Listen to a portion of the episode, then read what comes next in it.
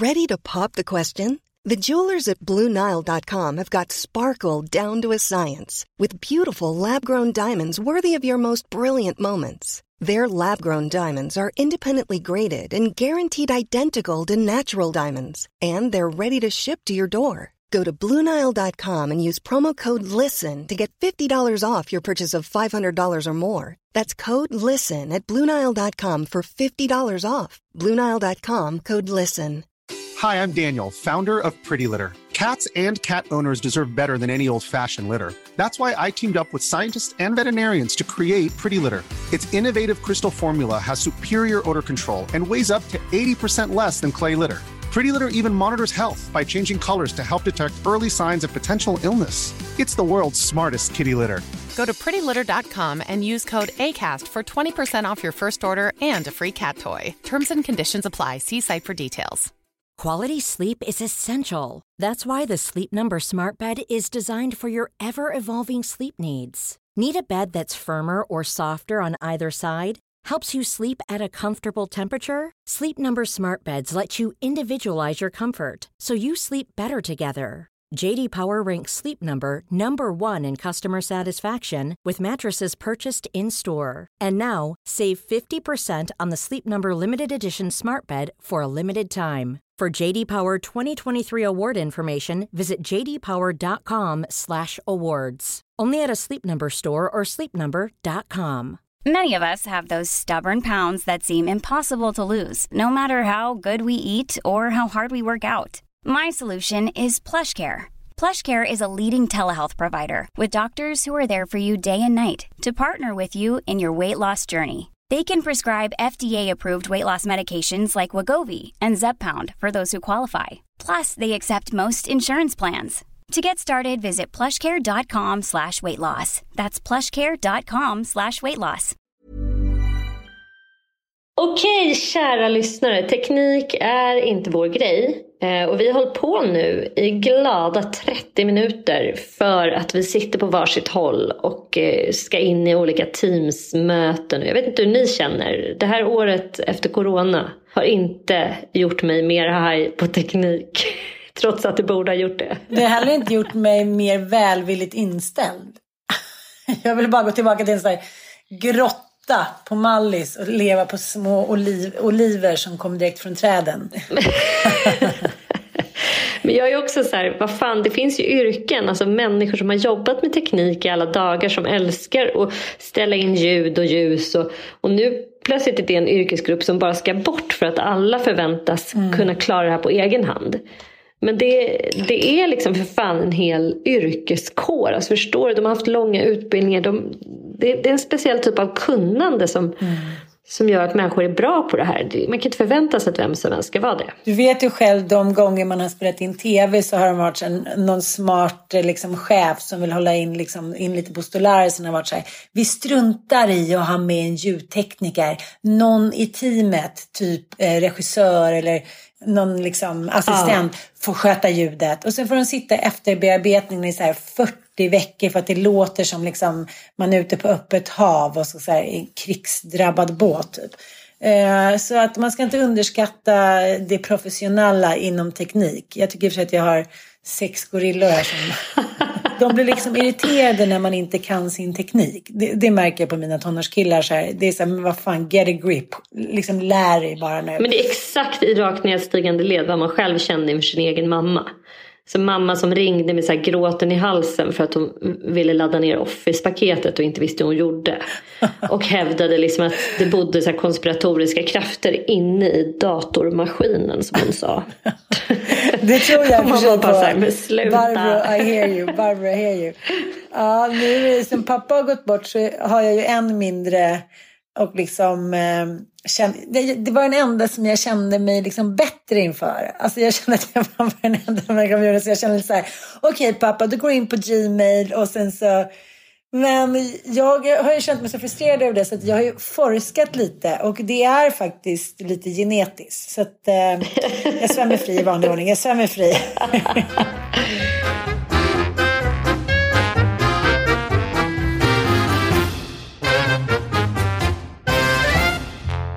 Ja men gud, berätta. Olivgrotta på Mallis. Du är ju på Mallis. Vad gör du? Hur är det? Är det underbart? Det är helt underbart. Det är bara... Eh, det är alltid konstigt när man åker till ett medelhavsland eller eh, för övrigt vilket land som helst som ligger utanför Sverige så tror man alltid att det ska vara så här knallblå himmel så att man typ inte kan freda sig från solen utan så här får gömma sig bakom ett litet parasoll. Men nu är det lite så här solmoln, ja, men lite svensk sommardag och eh, det gör någonting. Man blir lite förvirrad. Man är så här, jaha, eh, ska man inte så här, ligga i skuggan till klockan nio på kvällen och sen våga se ut. Men, men det är superhärligt. Jag sitter just nu i ett sovrum och tittar ut över havet och eh, ett olivträd och ett citronträd. Det jag själv skördade två citroner till, eh, ja, till lilla marinaden igår. Det är väldigt härligt. Vi sojer i Deja klassiskt konstnärstillhåll för rika konstnärer. Här har ju du och jag varit eh, en gång. Jag åkte förbi huset igår och gränden alltså nästan tog knäcken på oss. Men det är härligt. Och du och jag har pratat om det där med vindarna. Vad är det med de här medelhavska vindarna? De är så här det är någonting när man sitter klockan 11 på kvällen och så kommer de där vindarna och bara så här lindar in en i någon så här gudsförlåtelse. Det är någonting helt speciellt. Det går inte att förklara riktigt. Men du, ni är ju också hela gänget.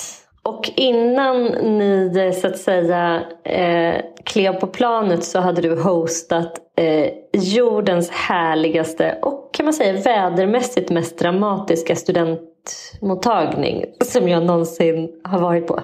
Alltså, är ni alla väldigt slut eller är ni liksom, ja, är det som att ni har fått belöning för mödan nu? Nej men jag, jag tycker första morgonen så då sov alla väldigt, väldigt länge. Och eh, jag tycker vi alla är liksom, ja, men ganska trötta, men inte på något så här, åh gud, vi är helt slutkörda, utan eh, vi pratade om det där Sanna, att det här med studenten, eh, när man är 18-19 år så är det som en sammanfattning av hela ens liv. Och jag, när man själv var mitt uppe i det så tog man det så för självklart. Men eftersom det har varit pandemin nu så har man liksom inte vaggats in i det på samma sätt, utan känslan av att min son skulle ta studenten slog både honom och mig som liksom ett hammarslag i huvudet. Vi drabbades några dagar innan så blev vi så här, men du är helt fantastisk pojke, du ska ta studenten. Han var så här, det är helt fantastiskt med studenten. Eh, när han eh, kom ut precis och så sprang ut som man gör så hade de satt på väldigt hög musik. Och sen så, jag fick en sånt adrenalin påslag när han kom ut så att jag eh, nästan tuppade av. Jag fick liksom stå så här och nästan skakade i min systers famn. Det var både häftigt och liksom helt oväntat. Så det, det är väldigt fint att, det också, att vi åkte direkt efteråt tycker jag. Du vet ju själv när man har gjort, vare sig man, jag menar, när du och jag har spelat in något tv-program eller jag menar, Let's Dance eller man har gjort någonting som man har ockuperat den otroligt intensivt under kanske en kortare period. Då är det lite som mm. att man blir utskiten ur eh, liksom ett horse's ass. Och att vara hemma i samma miljö då kan bli lite så här, jaha, vad då skulle livet fortsätta efter det här fantastiska som hände? Skulle det bara vara vardag direkt på det? Det blir nästan som en liksom chockartad upplevelse. Jag tycker det var väldigt skönt att vi bara satte oss vi packade ihop allting i ler, leran och sen så satte vi oss på ett flyg och drog. Smart. Alltså, det här tillståndet brukar kallas i våra branscher va? för post production depression. Ja, precis, precis, precis. Oj, om ni undrar vad som låter nu så är det någon människa här som är här på någon hoj. Någon människa. Sluta stå och börna. Alltså vad är det med så hojåkare? Jag kan bara säga så här nu är min man en hojåkare. Mm. Men vad i fan är grejen med att det ska vara så här, det ska låta så jävla mycket om de här hojarna? Är det ett statement? Men... Att de ska komma förandes och sen ska de så prutta sig fram genom hela stan på ett helt absurt sätt? Ingenting gör mig så irriterande som motorcyklister som ska börna och smacka det. Nej men alltså jag blir så irriterad på dem. För det, när jag bodde på Skånegatan då var det ofta så att de gled, jag vet inte varför, om det var kompanjans, om det var mycket hojåkare som åkte där. Men det är så jävla töntigt för det är så här, man gör ett statement, här kommer jag glidande och det är också så här, den sortens människor som absolut ska visa sig balla genom sin hoj. Alltså har man ingenting annat att visa upp i livet? Jag vet inte, det är någonting så jävla ofräscht med det. Men jag tänker det med att, att det ska låtas, både liksom eh, fysiskt och nu, nu, motoriskt. Det är så här, man tänker på när, när i lindan av uppfinningen av bilen så mm. var ju elbilen överlägsen. Man, man liksom hade kommit lika långt som man hade kommit nu. Man hade liksom elstationer som man kunde ladda. Det fanns liksom bolag som hade taxikedjor med bara elbilar. Det här är alltså slutet av 1800-talet. Men då var det väl mm. någon liksom snubbe med liten pillenoppi som kände så här, men vad fan om inte jag får börna och veva med den där stora veven så att jag ser manlig ut. Då kommer, liksom, då kommer jag känna mig ja, men som en liten pojke. Så då eh, lanserade helt plötsligt eh, några eh, småsnoppade män elbilen som en kvinnobil ju byggde om. Mm. Jo, det är sant älskling. Den lanserades som en kvinnobil för att den inte lät och eh, för att den liksom inte behövde vevas upp och hit och dit. Det var liksom människor så här, de trillade av pinn här, i parti och minut när man skulle ta upp den här jävla veven och slog i och den pruttade fram. Det var liksom livsfarligt med de här bilarna. Men elbilen rationaliserades bort liksom i början av 1900-talet på grund av att den lanserades som kvinnobil och det tyckte inte liksom, eh, ja men bilbusinessen var ja, attraktivt då, så den försvann. Det är någonting, jag tänker att det är någonting också kanske lite så här tyst tysta människor, alltså människor som har svårt med, med det verbala. Alltså ja. att man, inte, man har lite svårt att ta plats. och då använder man sig utav den här. Det är en teori jag har. Ni, ni som lyssnar kan ju gå ut och undersöka om det här stämmer. Alltså att hojåkare ofta är så här, lite halvt som halvt blyga. För jag, menar, jag känner ju många kvinnor. Jag skulle inte säga att det här är exceptionellt bara manligt. Men många kvinnor också som helt plötsligt har tagit motorcykelskort och ska köra runt på HDs och det är den här dräkten man sätter på så man får känna sig som någon slags liksom annan persona. Man kliver i liksom en hojåkarpersona. Där man är så här skön, man har på sig läder, va? man bara glider runt och är fri. Typ. Men grejen är och så det känns får man ta plats med ljud. Det känns så väldigt mycket ja. 1987. Extremt mycket.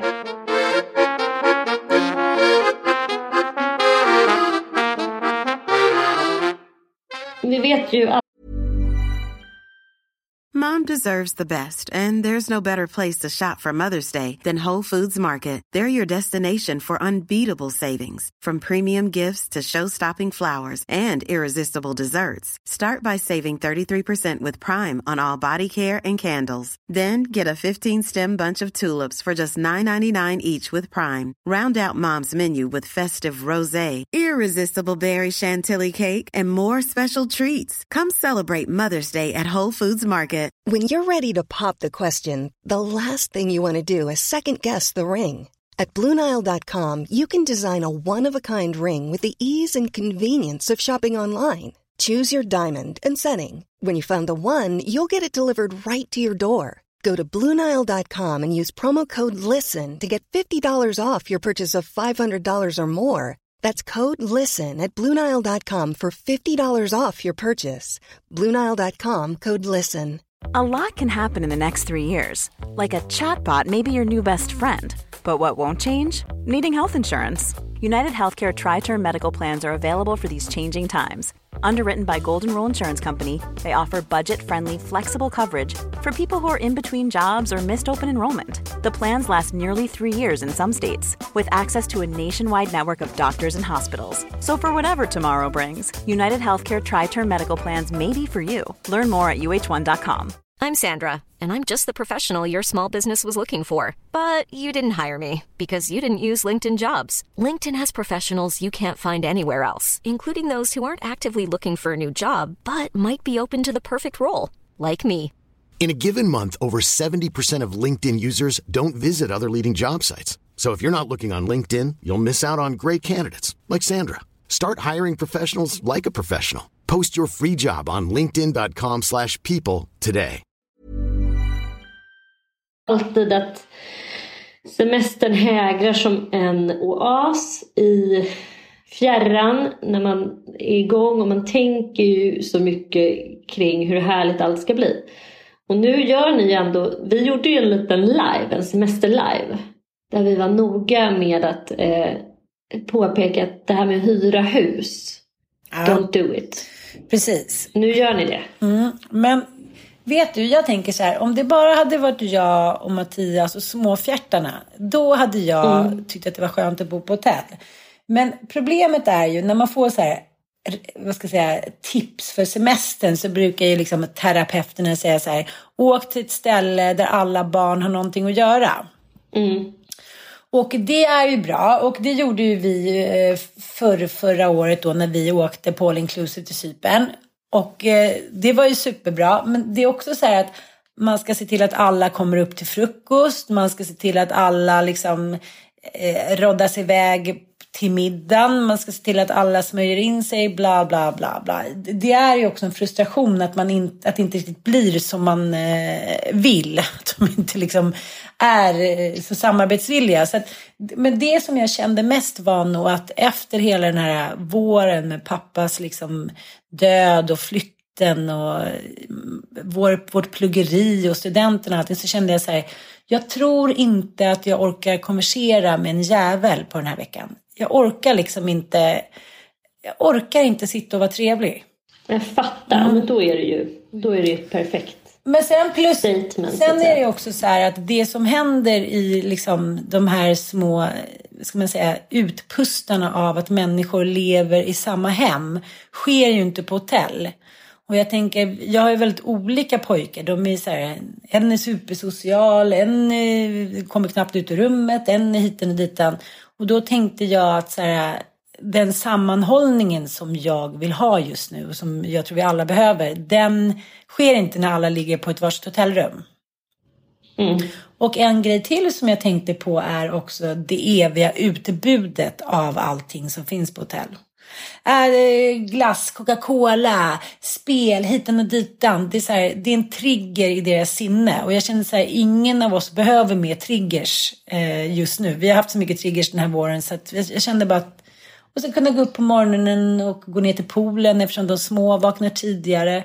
Nej, men jag tycker ändå att det här känns bra. Men 15-åringen tycker att vi borde ha bott på hotell. Alltså. Vi borde ha bott på hotell. Han tycker att det är för lite utbud. Jag liksom, häromkvällen köpte jag för lite chips och då blev det chipsgate. Skulle kunde hans brorsa köra honom ner till sojer och dit. Men samtidigt så är det så här, det är ju väldigt, vad ska jag säga, det är en klassiker är att när man då helt plötsligt har semester så är det ju mycket brister som uppenbarar sig, tycker jag, i relationen främst. Förstår mm. du? Helt plötsligt så känner man sig, men mm. gud, jag har ju ett känslobehov. Jag vill, mm. kräver, tycker det vore trevligt med lite fysisk beröring. Alltså som att behoven mm. bubblar upp till ytan. Nu ska det finnas tid för varandra. Och då känns det lite mm. som att den, då ska både jag och Mattias jobba, vi alla barn. Och man bara, men märker du ens av min närvaro? Förstår du? Mm. Och då ska man ju försöka tänka så här, ah, förutspå det då innan semester. Vilka känslor kan dyka upp nu? Hur ska jag parera det? Och liksom, Ja, jag vet inte. Det blir mycket, det är lätt att man kommer eh, till någon, hamnar de första dagarna i en liten klassisk anklagelseakt. Mm. Så att eh, det var ju någon lyssnare som skrev till oss. Det ser så himla härligt ut och ja, men, ni, liksom, det är så härligt att lyssna på er när ni pratar. Men kan ni, ni prata precis om det jag vill höra. Men kan ni inte berätta lite om också hur det kan skava? Var det inte något sånt hon skrev? Ja. Nej men semesterskavet liksom. Precis, och det, det, kan ju faktiskt vara så om vi ska vara helt ärliga när allting liksom går i 180. Det kanske har gått ett halvår sen man pratade sist med varandra på jullovet. Och det finns en anledning till att de flesta skilsmässoansökningar kommer in i januari och augusti. liksom. mm.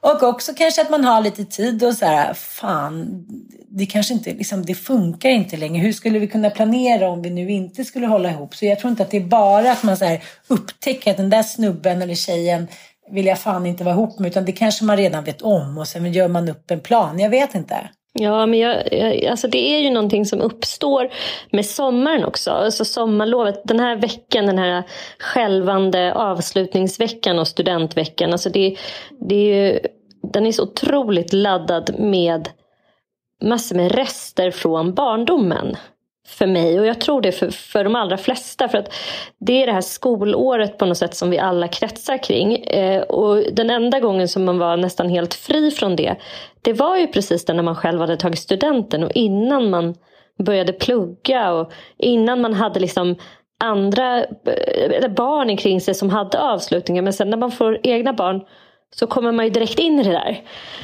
Alltså de här högtidligheterna som ska markera övergångar och liksom ingången i sommaren och det här tio veckor långa sommarlovet. Och det har suttit så djupt i mig på något sätt att så här, nu är det sommarlov och någon slags bitterljuv känsla över att så här, oh, vi går in i ledighet. Så här. Men det jag i alla fall har gjort i år, vilket jag jag, jag, jag gjorde det som ett experiment för jag vill liksom se om det här skulle funka.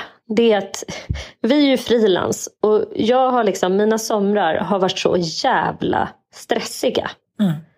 För att jag Eh, liksom måste jobba. Vi kan inte ta riktigt fem veckors semester som alla andra. För man, det är liksom mail, det måste svaras på. Vi kan inte bara säga så out of office som om man vore anställd. Utan det är bara att hålla glatt igång. Och, och sen är det klart att det händer mindre. Men pengarna måste ju in också. Det är sällan man har hunnit lägga undan. För typ eh, fyra månader. Semester.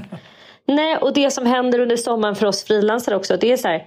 Oj, momsen skulle in den 26 juni. Mm. Och sen i juli, då är det årsbokslut för AB, i alla fall för mitt ja. AB. Liksom. Mm. Så då trillar de här fakturorna in från ekonomigubbarna som man har. Alltså det är så ganska stora utgiftsposter som så trillar in i augusti. Så det är inte läge att ligga på latsidan. Och det har jag bestämt i år att nej, jag ska inte ligga på latsidan. Kära barn, mamma har inte semester förrän den 2 juli. Och sen har jag semester i fyra veckor. Okej, och, eh, smart. nu här i juni så jobbar jag heltid. Mm. Så att ni kan inte hålla på och förvänta er att jag ska göra grejer mer.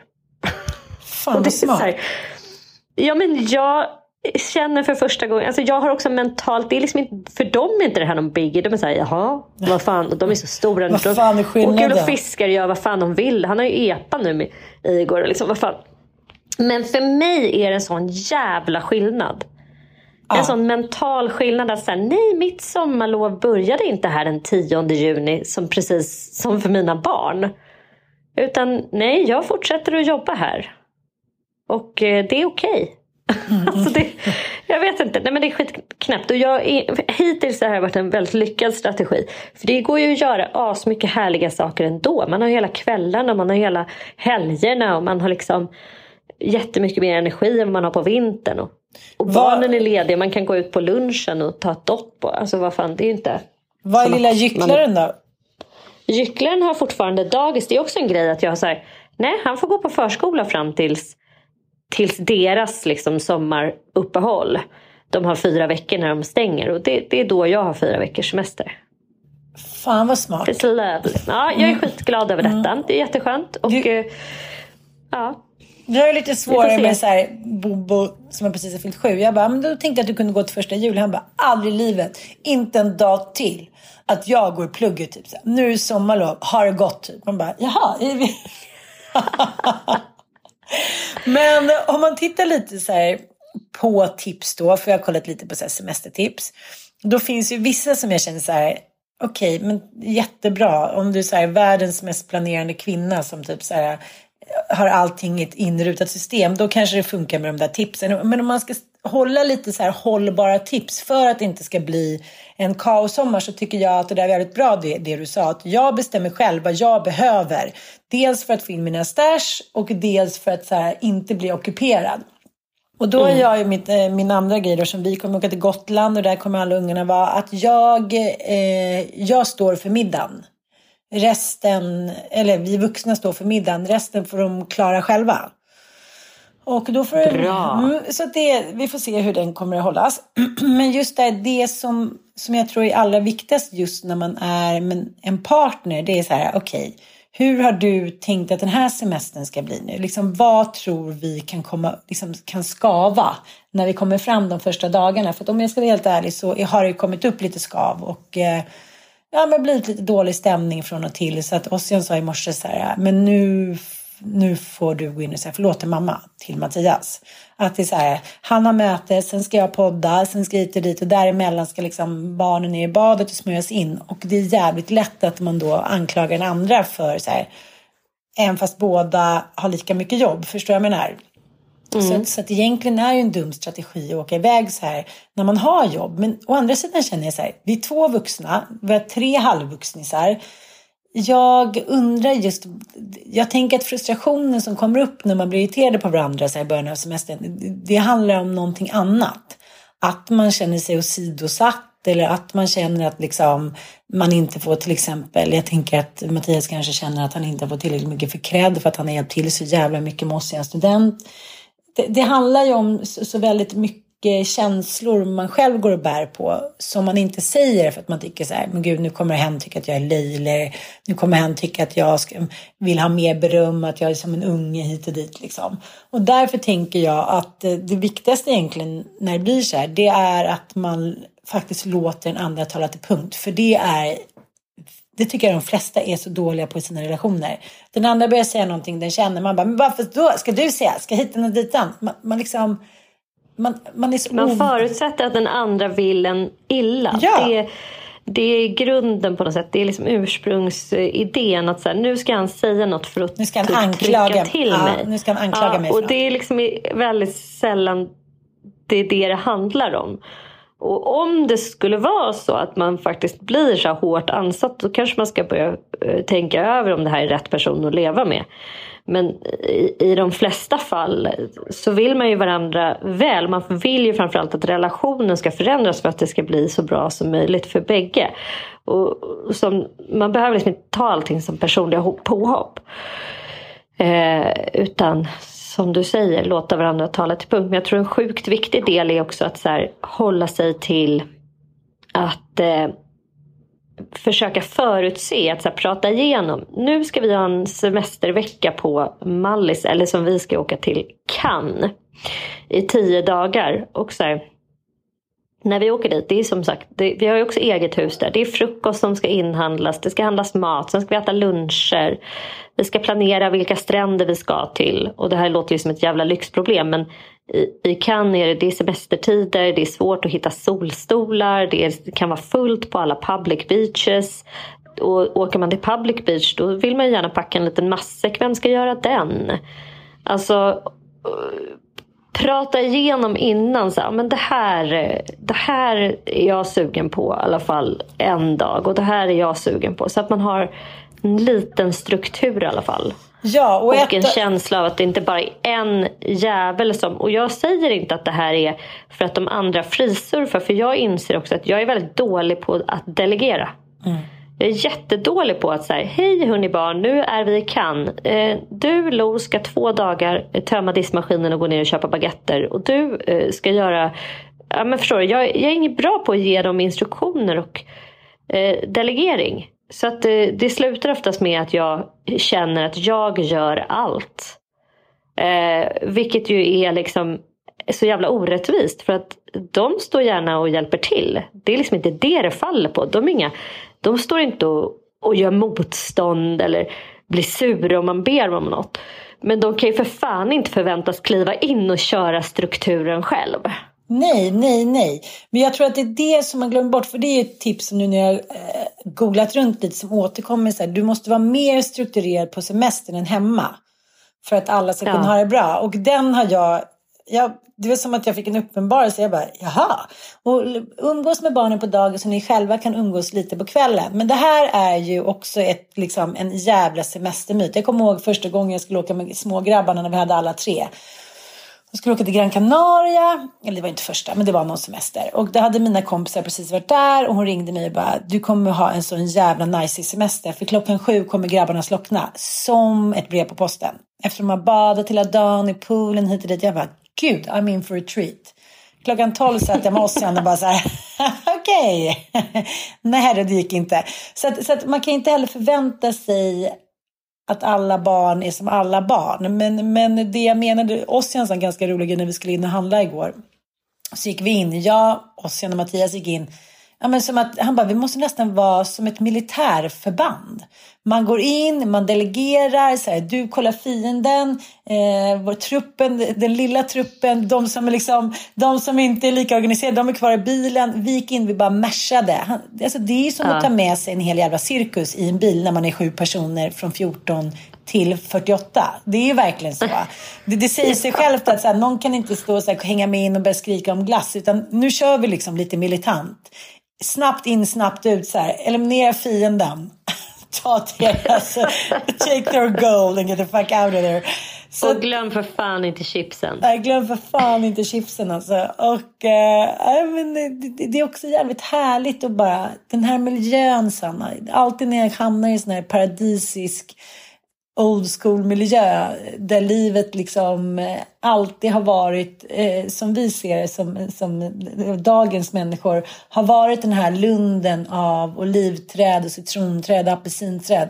Att bara ta sig ner för de här, eller upp för de här vägarna i, i Deja är ju liksom, ja men man får ju koncentrera sig som att man ska ska gå på lina packad typ. Alltså det är ju, och Nonokto som har höjdrädsla, han sitter bara och blundar där bak i bilen. Menar du Mattias nu? Ja, vad säger du? Så jävla freudianare. Nanook. Ja men gud, ja, det där är också, det kan jag bjuda på. Att det säger, nu när vi har haft student och han har varit med på luncher och middagar och dit, då, då har det blivit mycket att jag säger båda namnen ja, men det är, så, ja, är lustigt. Ja, hur som helst, så det är så vackert här. Det är liksom såna knotiga gamla träd och så är det du vet, så gamla marockanska stenhus. Och man kan gå en liten väg här ner en kilometer så ligger liksom gammalt stenbrott där man kan bada från klipporna. Och, det är liksom en helt, helt otrolig miljö och bara få vara i det här och man kan vila lite i det så behövs det inte så jävla mycket annat liksom egentligen. Nej. En pool, du vet ju själv, en pool, så här, det universala liksom, uppfinningen. En pool och en studsmatta, då är det så här, you're home man. Mm. Men sen ska du mm, laga mat. Ja, men igår då skulle vi grilla, jag hade marinerat kyckling kyckling och jäda jäda. Och sen så funkar inte den gamla liksom 1800-talsgrillen. Så jag tror att Mattias tog en timme och ändå var kycklingbitarna helt råa. Så fick jag, ja men då blir det också en sån här, ah, det kanske inte blev den roligaste kvällen. Alla fick äta omgångar med de små kycklingbitarna jag hade stekt. Men vet du, jag går liksom inte igång så mycket längre på sånt här. Jaha, det är inte som att barnen bryr sig att vi ska ha en lång sittning vid stjärnhimlen typ. Nej, men det är så att man hela tiden är ens egna föreställningar. Barnen är ju som du säger så här, finns det sju påsar chips så är alla glada liksom. Ja, verkligen. Ja, men, ja. Men Mattias tyckte att det var så jobbigt och bla bla bla. Och du vet det här med energier. Det är så här, är en på dåligt humör då är ju, då är ju hela liksom, ja, militärjuntan ur wobbling. Då är det så här, okej. Okay, eh, det gäller ändå på något sätt att så här, fan bita ihop och njuta medan tid där. Jag tänkte på det igår.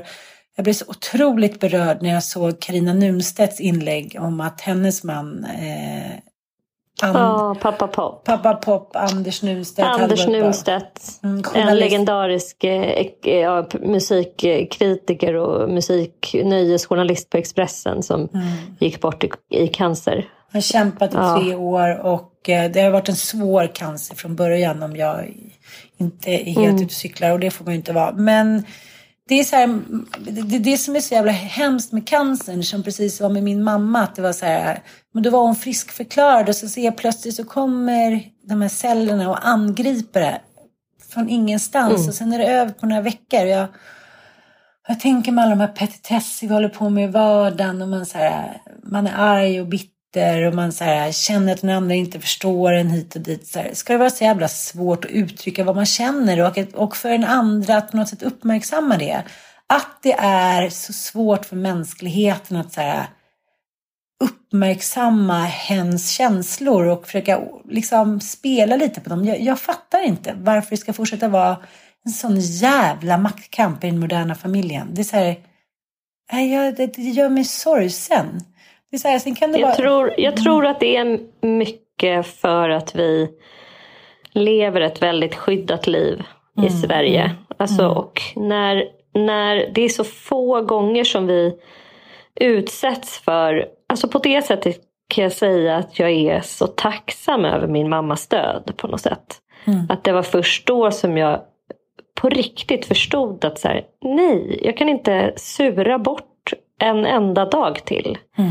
Eller så här, kosta på mig att vara sur på typ men du vet petitessgrejer. Att någon jävla grill inte funkar som man hade tänkt. Mm, mm. Alltså det, saker och ting framstår ju i sin absoluta litenhet. Och, och det där är ju, man kan inte förvänta sig det av unga människor som inte har mött liksom, ja, men olika typer av existentiella kriser som gör att man börjar se eh, världen i ett annat ljus.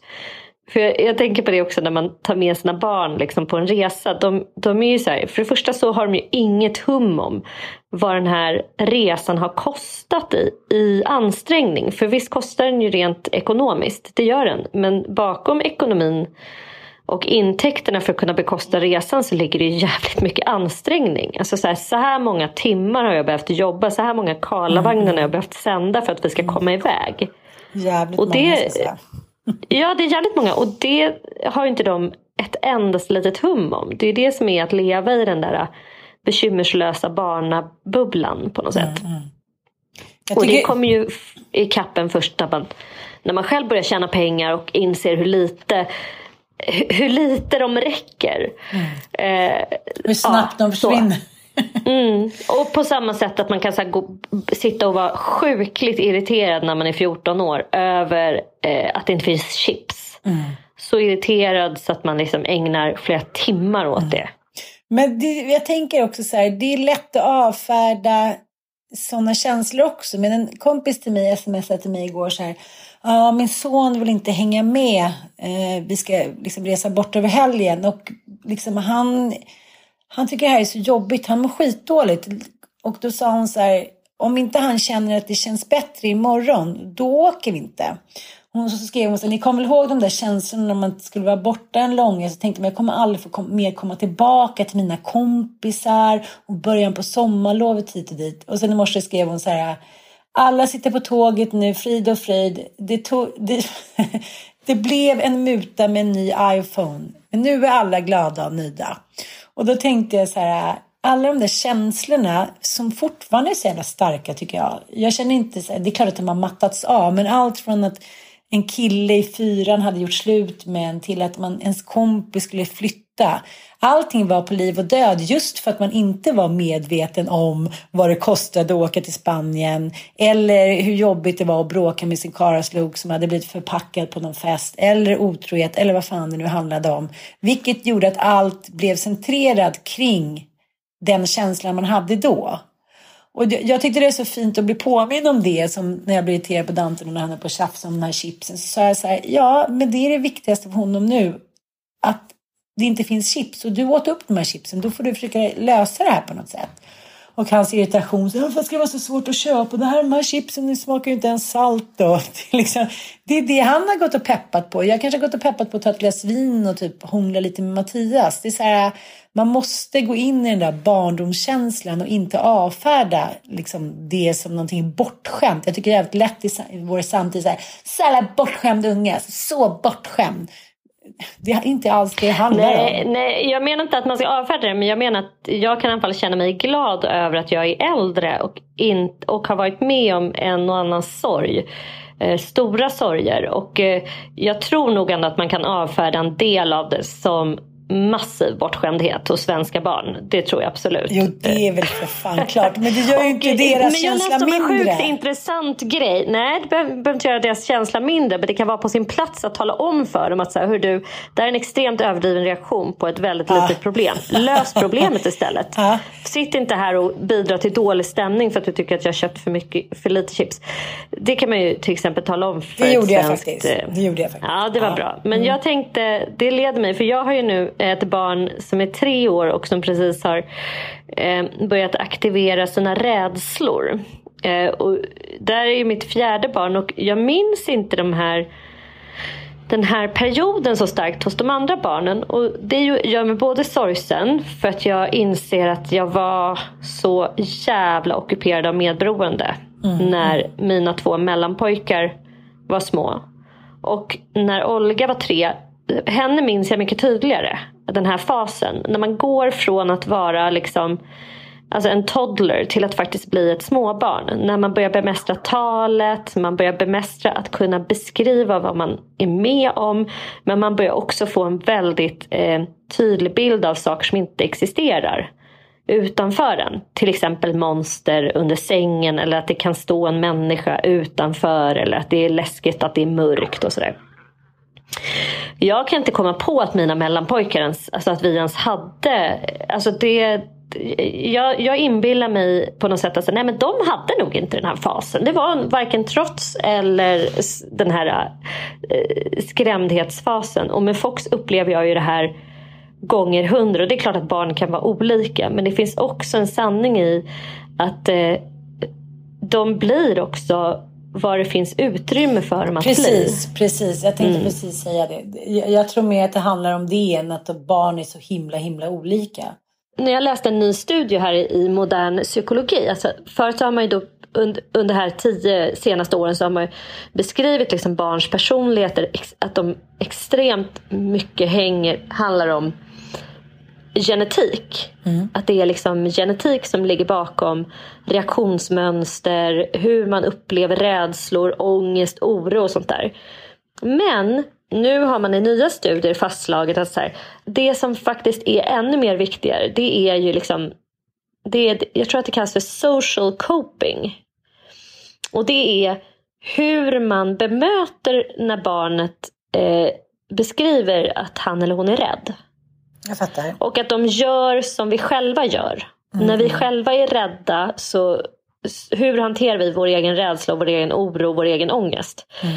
Och det härmar barnet i mycket högre utsträckning. Så man kan ha liksom en jättehög grad av oro men ändå kunna bemästra den mycket bättre.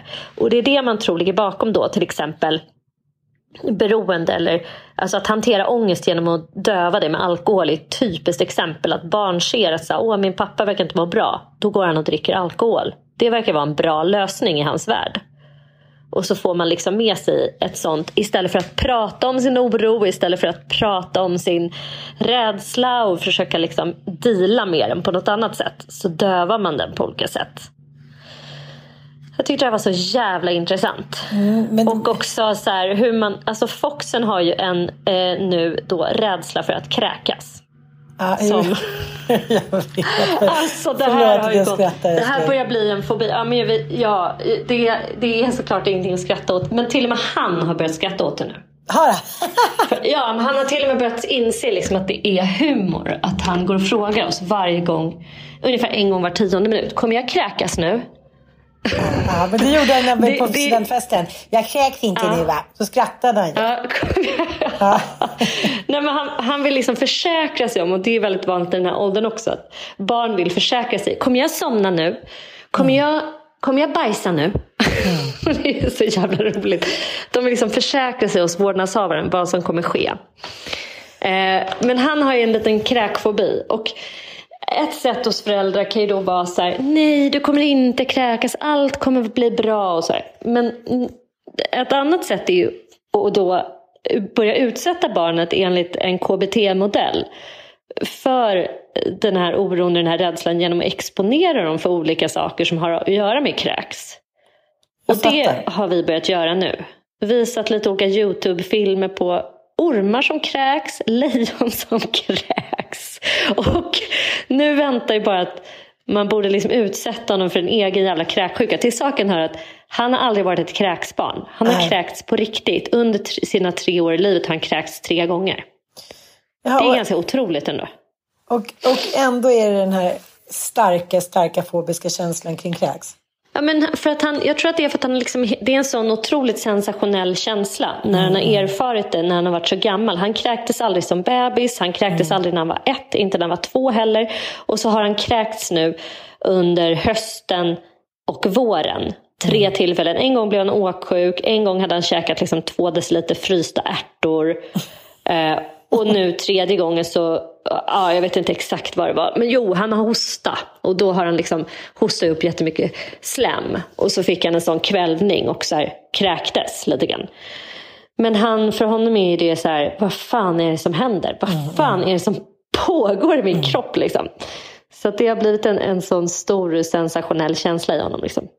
Men jag, men, tänker, eh, jag tycker det är så intressant mm. det som du säger. Att, men dels tror jag att det handlar om att vissa period i livet så är man så ockuperad av allting. Och det har jag märkt nu under alla studenter när man träffar kompisar man inte träffat på ett tag. De berättar om allt man varit med om där efter mammas död.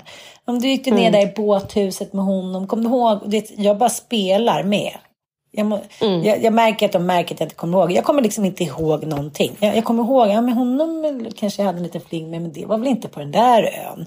Så kul att du var med på den där midsommaren. Jag, jag har liksom helt raderat åren efter mammas död. Jag, liksom, jag minns mm. ingenting. Det är helt sjukt. Men, men det det handlar om att så här, det är klart att barn har olika genetik, så här, arv och miljö. Och så här, vissa har en benägenhet för att vara långa och smala. Det är bara att kolla på mina tre grabbar eller fem grabbar som är ute och badar. Jag bara, men är det ett skämt eller? Alltså, den ena kommer som en jävla pebbles.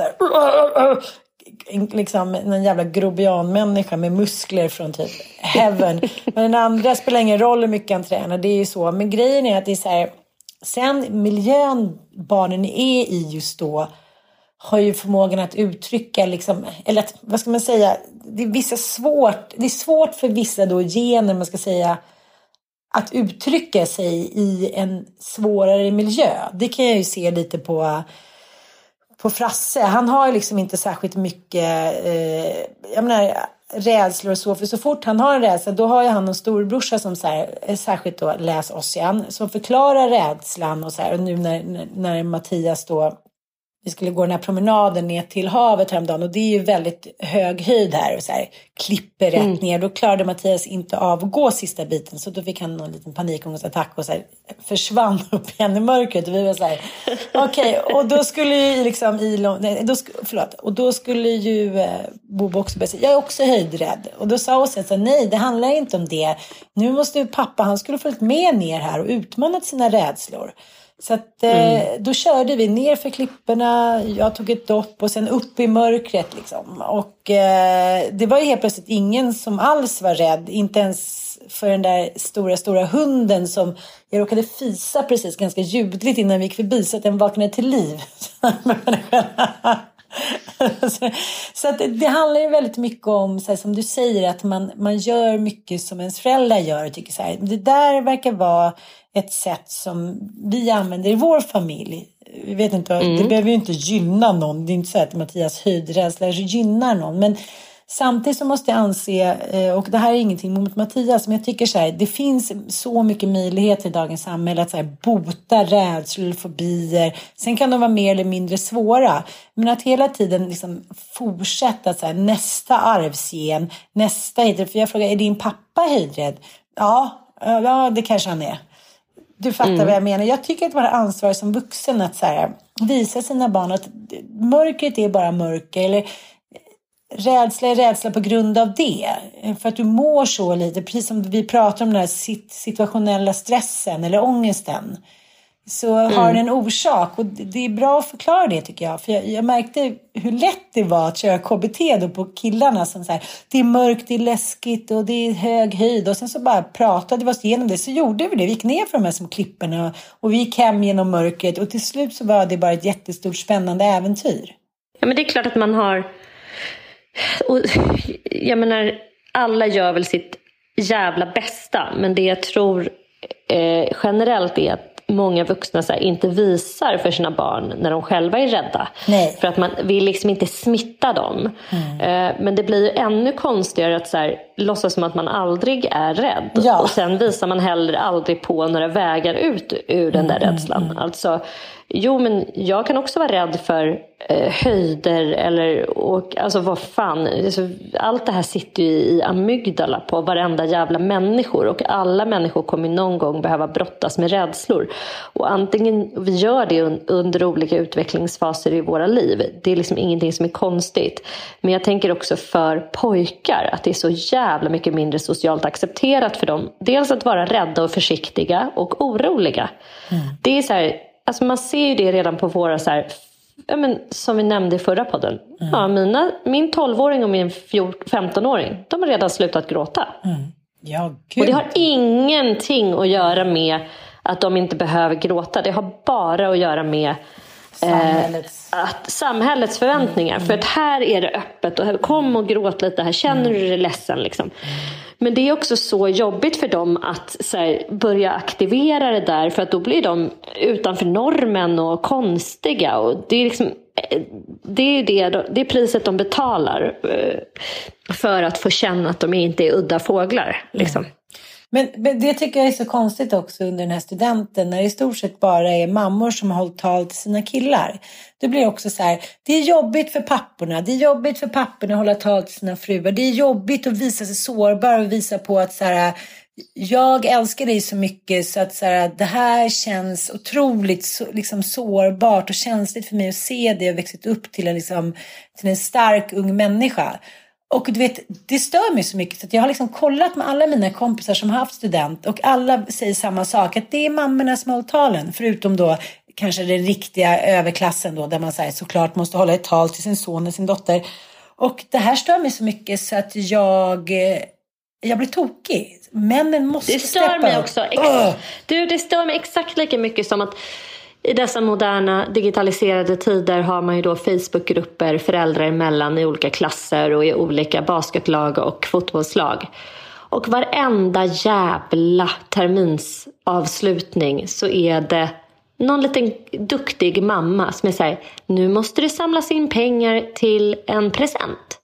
Som någon duktig liten mamma sen ska tåga iväg och köpa. Och att det aldrig är en kille där. Utan, och det som händer, för att jag har, ända sedan mina pojkar började ettan, har jag gjort som en tyst demonstration att jag tänker inte medverka. Jag tänker inte sitta i någon klassråd. Jag tänker inte hålla på och lägga mig till med att baka grejer. Jag tänker inte vara en duktig morsa. Eh, utan om någon vill vår familj någonting, då får man ringa till Micke och prata med honom. Och be honom baka lite chokladbollar och grejer. Men det enda som har hänt det är att jag ingen anses... Eh, nej men ingen ringer. Ingen skulle få för sig att ställa någon minsta lilla krav eller ringa till Micke för att lösa någon konflikt med något barn eller så. Det enda som händer, nu vet inte jag det här för det är ingen som har sagt det rakt ut, men det är att jag anses vara en oengagerad förälder. Mm. Det är ingen som tycker att Micke är en oengagerad förälder. Nej. Och då tänker jag så här, eh, lite som jag faktiskt eh, sa i Anitas min podd, att jag tycker inte synd om oss längre. Jag tycker så här, nej. Eh, nej. Jag, skriver så här, jag skrev så här, det vore kul om det var någon gång var en pappa som bidrog. Jag swishar min hundring, har det gått typ. Ingen svarade. Mm. Jag kände så här, nej, det är dags för oss att ta ett steg tillbaka så ska vi se vad som händer. Det kanske inte blir några presenter till fröknarna, nej, so may it be. Jag är trött ja, på den här kulturen. Är så här. Och så tycker jag att det finns någonting i den här kulturen som är att vi kvinnor verkar ha ett behov. Att vara den här jävla prussiluskan och få berömmet. Tack så jättemycket mm. Madeleine för att du gjorde, mm. fixade den här handduken och schampoflaskan och bubblet till fröknarna. Så här. Fuck it. Mm. Jag, tycker inte, jag tycker inte synd om någon projektledare längre. Jag avsatt Nej, men jag, mig. I alla fall inte när det är så här, Egentligen börjar jag tycka också att det är en ganska bizarr tradition. Att det ska så här, samlas in jättemycket pengar och köpas presenter. Vilken annan så här, yrkesgrupp får presenter? Alltså det borde ju för fan skolan. Vi betalar ju skatt. Kan inte skolan ha en avslutnings... Alltså förstår du vad jag menar? Att det också så här, har börjat gå för fan överstyr i vad som ska samlas in och vad som ska... Liksom att också så här, föräldrar som kanske inte har det jättegott ställt då. Det ska swishas till liksom 43 olika så här, alltså jag kan tänka mig ideella idrottsledare som faktiskt ger gratis av sin tid. Absolut att de kanske ska ha lite pepp och kärlek. Men eh, så här, lärare som är anställda, I don't know alltså. Är inte det här lite förlegat hela den här grejen? Nej men jag tänker också så här, jaha, Tänk om någon inte skulle tagit tag i det. Och så här, då skulle fröknarna blivit helt knäckta då? Ja, det skulle de förmodligen ha blivit. För de blir uppskattade genom att få en handduk, en olivolja och en parmesanost. Kanske en flaska rött. Och det känns också helt absurt. Jag tänkte på det nu på de här studentfesterna. Jag minns inte att någon jävel kom med någon present till mig. Det var mamma. Jag fick mormors gamla guldarmband och en dammsugare som jag skulle flytta hemifrån mot min vilja. Men att folk kom i horder med fina dyra presenter. Det pre nu på de studentskivorna jag varit på, det har varit, liksom, varit presentbord värda Nej men hundratusentals kronor känns ja, det som. Men det är som när folk gifter sig. Jag håller med. Det var, så här, det var helt bisarrt. Nej, nej, om jag när vi tittade, gifte liksom, mig. gick igenom Olgas flöde av, man bara herregud, det här ja. är som att hon Hon har liksom hela lägenheten kittad. Det Ja. är liksom allt ifrån jättefina vinglas till överkast till Ja, men helt absurt. Ja. Nej, men det, är någonting, det är någonting med hetsen. Och jag ska inte svära mig fri. Det var jag som fixade presenter till Ossian. Och till, alltså jag gör ju det här också. Det ligger ju inympat i oss. Och det är klart att det finns en tjusning och det är mysigt med att göra det där också. Men att det liksom har bara blivit ett mönster i vårt samhälle. Att det är, jag, tycker det är, jag bara känner så här, har vi inte kommit längre? Men nu var det faktiskt en mamma. Jag tror att det var Isabelle McAllister. Hon har ju barn i våra klasser som skrev så här.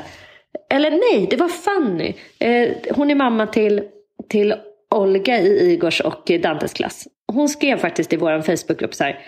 Hej, jag har ju sett till att köpa presenter nu många år i rad. I år så känns det som att eh, det vore trevligt om någon annan ville göra det.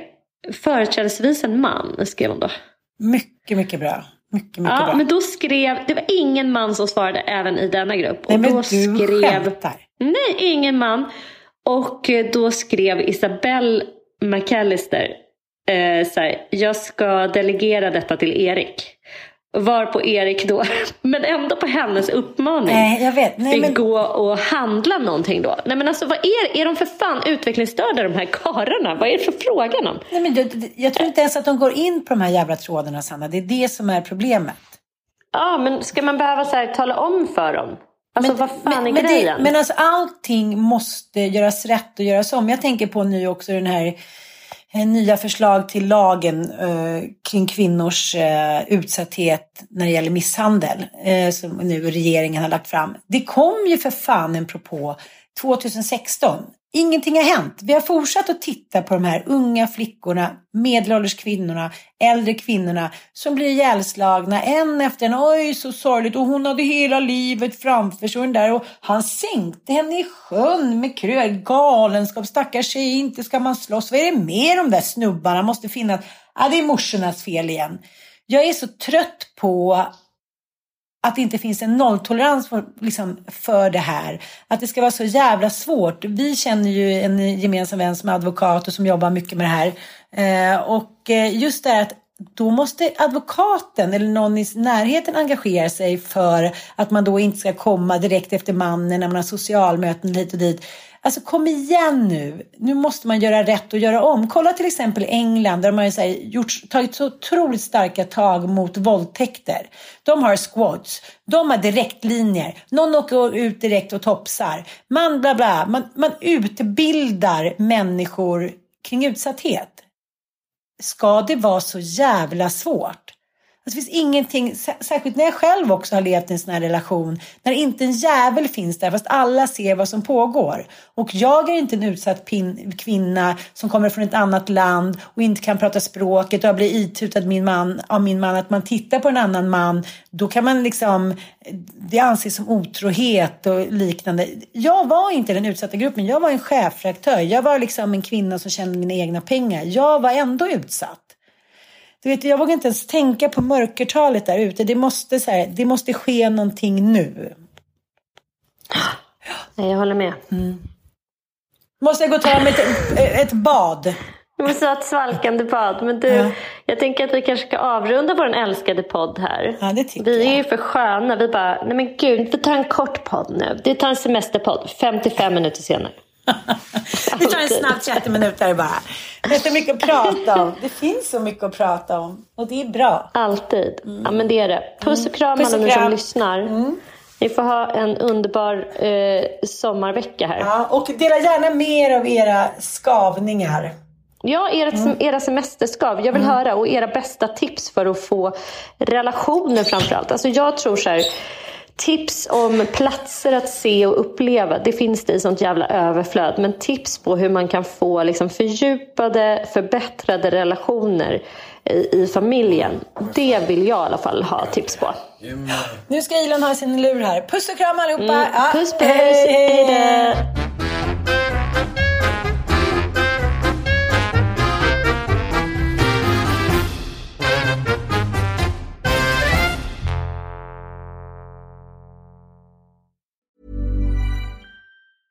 Mom deserves the best, and there's no better place to shop for Mother's Day than Whole Foods Market. They're your destination for unbeatable savings, from premium gifts to show-stopping flowers and irresistible desserts. Start by saving 33% with Prime on all body care and candles. Then get a 15-stem bunch of tulips for just $9.99 each with Prime. Round out Mom's menu with festive rosé, irresistible berry chantilly cake, and more special treats. Come celebrate Mother's Day at Whole Foods Market. Imagine the softest sheets you've ever felt. Now imagine them getting even softer over time. That's what you'll feel with Bowl and Branch's organic cotton sheets. In a recent customer survey, 96% replied that Bowl and Branch sheets get softer with every wash. Start getting your best night's sleep in these sheets that get softer and softer for years to come. Try their sheets with a 30-night guarantee. Plus, get 15% off your first order at bowlandbranch.com. Code BUTTERY. Exclusions apply. See site for details. Hi, I'm Daniel, founder of Pretty Litter. Cats and cat owners deserve better than any old fashioned litter. That's why I teamed up with scientists and veterinarians to create Pretty Litter. Its innovative crystal formula has superior odor control and weighs up to 80% less than clay litter. Pretty Litter even monitors health by changing colors to help detect early signs of potential illness. It's the world's smartest kitty litter. Go to prettylitter.com and use code ACAST for 20% off your first order and a free cat toy. Terms and conditions apply. See site for details.